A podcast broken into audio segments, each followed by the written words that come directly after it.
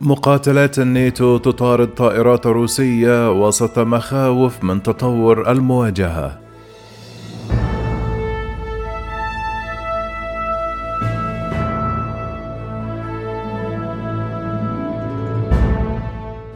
أفاد بيان نشرته القيادة الجوية لحلف شمال الأطلسي الناتو أن مقاتلات الحلف المتمركزة في منطقتي البلطيق والبحر الأسود سارعت عدة مرات خلال الأيام الأربعة الماضية لتعقب واعتراض الطائرات الروسية بالقرب من المجال الجوي للحلف حيث يأتي ذلك وسط مخاوف من تطور المواجهات.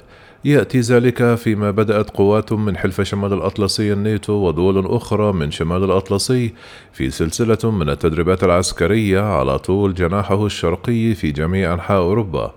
أعلنت القوات المسلحة البولندية بدء تدريبات عسكرية يشارك فيها الآلاف من جنود حلف شمال الأطلسي والمناورات هي تدريبات دورية تهدف إلى تحسين الأمن في الجناح الشرقي للتحالف لكنها تأتي هذا العام مع اندلاع حرب روسيا على أوكرانيا في الجوار. وبسبب هذه الظروف ناشد الجيش البولندي الجمهور عدم نشر معلومات أو صور لإرتال المركبات العسكرية المتوقع أن تتحرك عبر البلاد في الأسابيع المقبلة. وحذر من أن النشاط غير مدروس يمكن أن يضر بأمن التحالف. وقال في بيان دعونا ندرك المخاطر. قال الجيش البولندي في البيان أن 18 ألف جندي من أكثر من عشرون دولة يشاركون في مناورات Defender Europe 2022 والرد السريع 2022 التي تجري في بولندا وثمانية دول أخرى. من المقرر إجراء المناورات العسكرية في الفترة من الأول إلى السابع والعشرون من مايو. تشارك في التدريبات الطائرات والدبابات والمدفعية والعربات الهجومية المدرعة ومن المقرر أن تجري في فنلندا وبولندا ومقدونيا الشمالية وعلى طوال الحدود الإستونية مع لاتيفيا. تضم المناورات قوات من الناتو والقوات الاستكشافية المشتركة التي تضم أعضاء من خارج الناتو مثل فنلندا والسويد. قال Lieutenant General رالف ويريس قائد الجيش الميداني البريطاني في بيان أن حجم الانتشار مقترنا بالحرفية والتدريب ورشاقة الجيش البريطاني سوف تردع العدوان على نطاق لم نشهده في أوروبا هذا القرن.